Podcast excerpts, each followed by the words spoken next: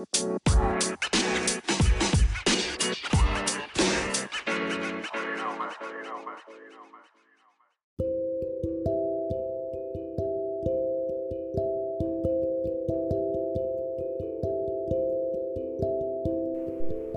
datang di podcast Andika Narayan dan gua Andika Narayan dan hari ini di episode 8 gua akan membahas tentang pengaruh kemajuan teknologi di kehidupan masa kini. Dan ya, dan sejak Steve Jobs memperkenalkan iPhone pertama kali ke publik, banyak brand-brand terkenal mulai mencoba membuat iPhone versi mereka dengan sebutan smartphone. Sebut saja Samsung, mungkin di era itu ada Sony Ericsson dan Lenovo ya yang mencoba menyaingi atau membuat smartphone ya. Dan dari tahun ke tahun perkembangan smartphone terus melonjak naik. Yang dari awalnya hanya handphone dengan teknologi layar sentuh yang hanya mempunyai fitur sederhana ya seperti telepon, SMS, browser mungkin kalau ada dan juga apa ya kamera-kamera yang belum tentu tek, eh, kualitasnya tinggi seperti kamera-kamera sekarang.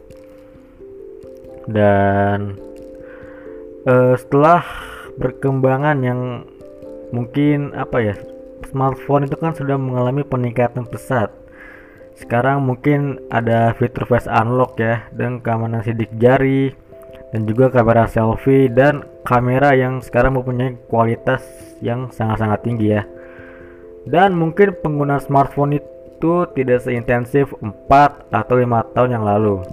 Tapi di zaman sekarang smartphone itu merupakan alat yang wajib dimiliki ya oleh semua kalangan, entah itu anak kecil, pelajar, mahasiswa dan para pekerja di sektornya masing-masing. Karena wajar aja ya, karena zaman sekarang itu kan perkembangan teknologi sudah sangat maju sehingga banyak pekerjaan atau tugas-tugas sekolah yang banyak disalurkan lewat smartphone. Dan oke okay, dari tadi gue ngomongin tentang perkembangan smartphone dari zaman ke zaman. Emang apa sih yang pengen gue bahas? Dan apa ya mungkin dengan adanya perkembangan fitur yang ada di setiap smartphone atau iPhone sangat bermanfaat bagi kita semua selain perkembangan fitur yang ada di smartphone atau iPhone yang kita miliki banyak juga bermunculan aplikasi-aplikasi ya yang bisa dibilang bermanfaat. Kayak munculnya Gojek ya, yang bisa menambah lapangan pekerjaan orang-orang yang pengangguran, kemudian Tokopedia atau Shopee yang yang mempunyai usaha bisa berjualan secara online di platform tersebut. Kemudian kemudian ada Facebook, Instagram ya, yang juga bisa bertemu kangen kembali setelah oleh bertemu teman yang sudah tidak kalian kalian temui. Mungkin bisa bertemu lagi di Facebook atau Instagram dan WhatsApp ya. Sekarang alat komunikasi yang kita gunakan. Kalau dulu mungkin pakai SMS sekarang pakai WhatsApp dan eh, apa ya selain aplikasi yang bermunculan banyak juga ya developer game ini melihat ini adalah sebuah keuntungan ya karena mungkin kan dulu developer game online itu uh, sering membuat game hanya untuk flat platform di PC. Sekarang banyak juga developer game online yang mulai membuat game untuk smartphone atau iPhone.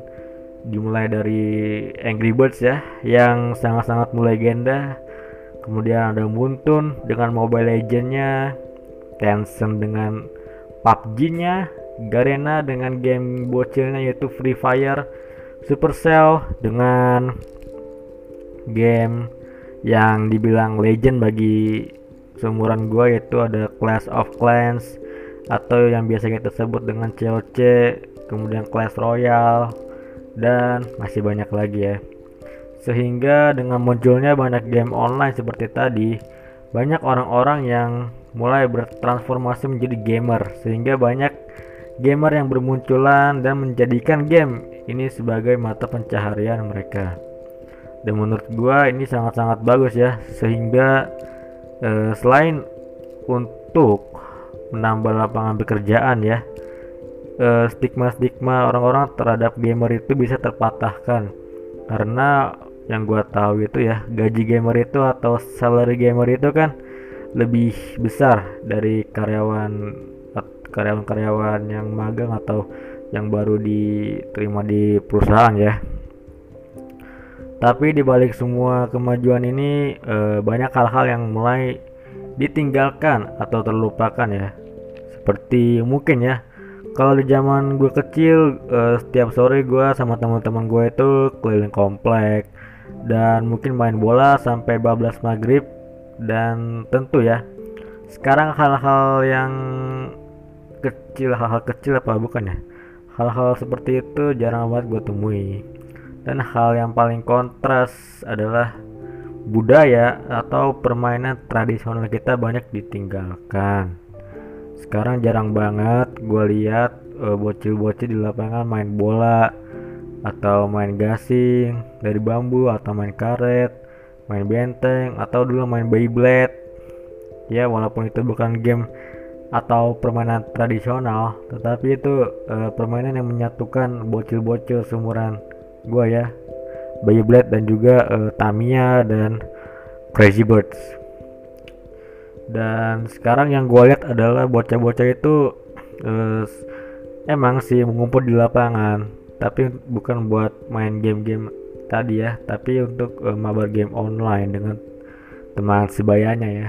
Dan apa ya hal itu yang buat gue agak miris ya karena Indonesia itu kan banyak sekali permainan yang bisa dilestarikan yang bisa di permain yang bisa digunakan untuk bocil-bocil yang pengen main ya tapi uh, yang gue lihat mereka lebih memilih mabar game online atau uh, scroll scroll IG, scroll scroll TikTok ya.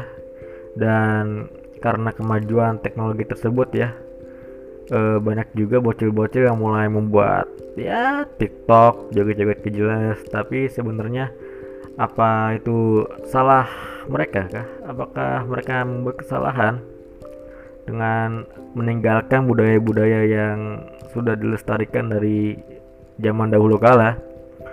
Menurut gua itu bukan salah mereka lah ya.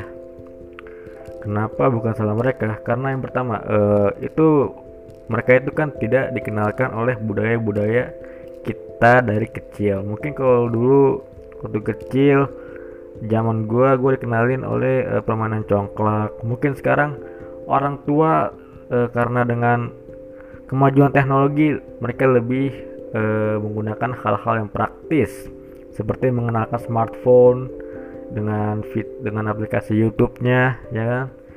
E, bisa nayangin kartun-kartun yang mereka inginkan.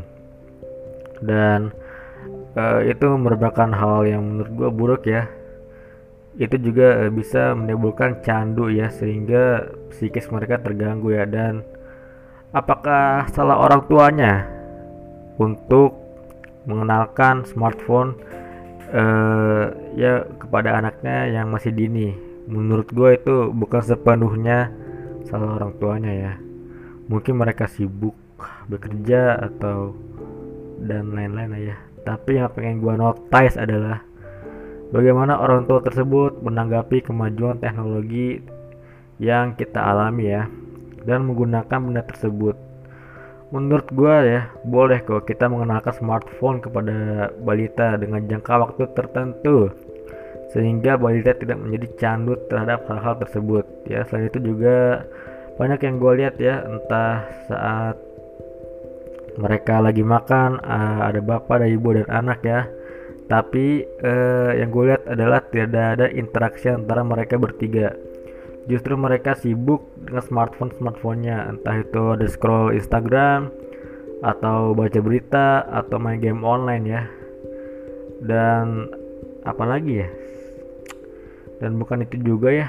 Banyak juga sih fenomena fenomena-fenomena menarik ya tentang kemajuan teknologi yang tidak disikapi secara baik dan banyak juga sih orang-orang yang gue lihat ya rela menjual organ dalamnya seperti ginjal cuma untuk membuat beli iPhone. Yang menurut gua ginjal itu lebih berharga dari sebuah iPhone karena kalau ginjal lu cuma satu lu nggak bakal bisa melakukan aktivitas-aktivitas e, seperti sedia kala ya.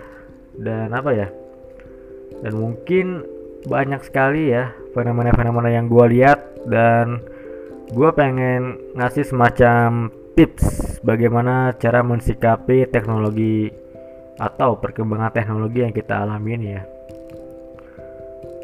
Yang pertama adalah ketika untuk orang tua yang mempunyai balita, kalian tidak perlu untuk kasih smartphone kalian agar anak kalian bisa terhibur. Kenapa? Karena kalau kalian mengenalkan smartphone eh, kepada anak kalian itu pasti akan menimbulkan rasa candu sehingga mereka dengan sendirinya akan eh, buka handphone orang tua dan mungkin akan eh, nonton YouTube atau mungkin download game ya sehingga mereka lebih cenderung untuk bermain smartphone ketimbang berinteraksi dengan teman-teman sebayanya ya. Menurut gua ya untuk agar bisa anak itu terhibur kalian bisa kok beli mainan-mainan. Ece-ece ya mainan-mainan seumuran balita kayak game balok puzzle action figure dan lain-lain ya. Yang kedua adalah atur waktu dalam bermain smartphone. Kita tahu ya karena perkembangan teknologi itu sangat-sangat apa ya sangat-sangat menguntungkan bagi kita sehingga secara tidak sadar kita terbawa apa ya? Terbawa e, nyaman ya sehingga lupa waktu untuk melakukan hal-hal yang sudah kita rencanakan ya. Baik atur waktu dalam bermain smartphone. Dan yang ketiga adalah ketika kalian sedang berkumpul bersama keluarga atau teman alangkah baiklah usahakan untuk meminimalisir bermain HP karena tentu saja ya karena agendanya itu berkumpul. Berkumpul bersama keluarga atau teman yang mungkin hanya bisa dilakukan satu kali selama sebulan. Dan karena itu buatlah kesan berharga sehingga bisa terus diingat. Dan yang keempat adalah mungkin karena kemajuan teknologi banyak orang-orang yang uh, komen dengan ujaran kebencian ya. Menurut gua uh, hal-hal itu tidak perlu ya karena mungkin karena sekarang banyak medsos ya yang ada fitur komen kemudian uh, ketika orang mempost sesuatu tapi banyak orang juga yang tidak menyukai post itu maka mereka akan komen-komen dengan ujaran kebencian. Menurut gue jangan itu hal yang merugikan ya. Nanti kalau keciduk dibawa polisi terangis dan mungkin itu aja sih yang pengen gue sampein ya. Dan mungkin uh, bisa yang gue sampein ini bisa diaplikasikan di kegiatan kalian sehari-hari ya. Dan itu aja sih pengen gue sampein. Uh, dan semoga bermanfaat dan bye bye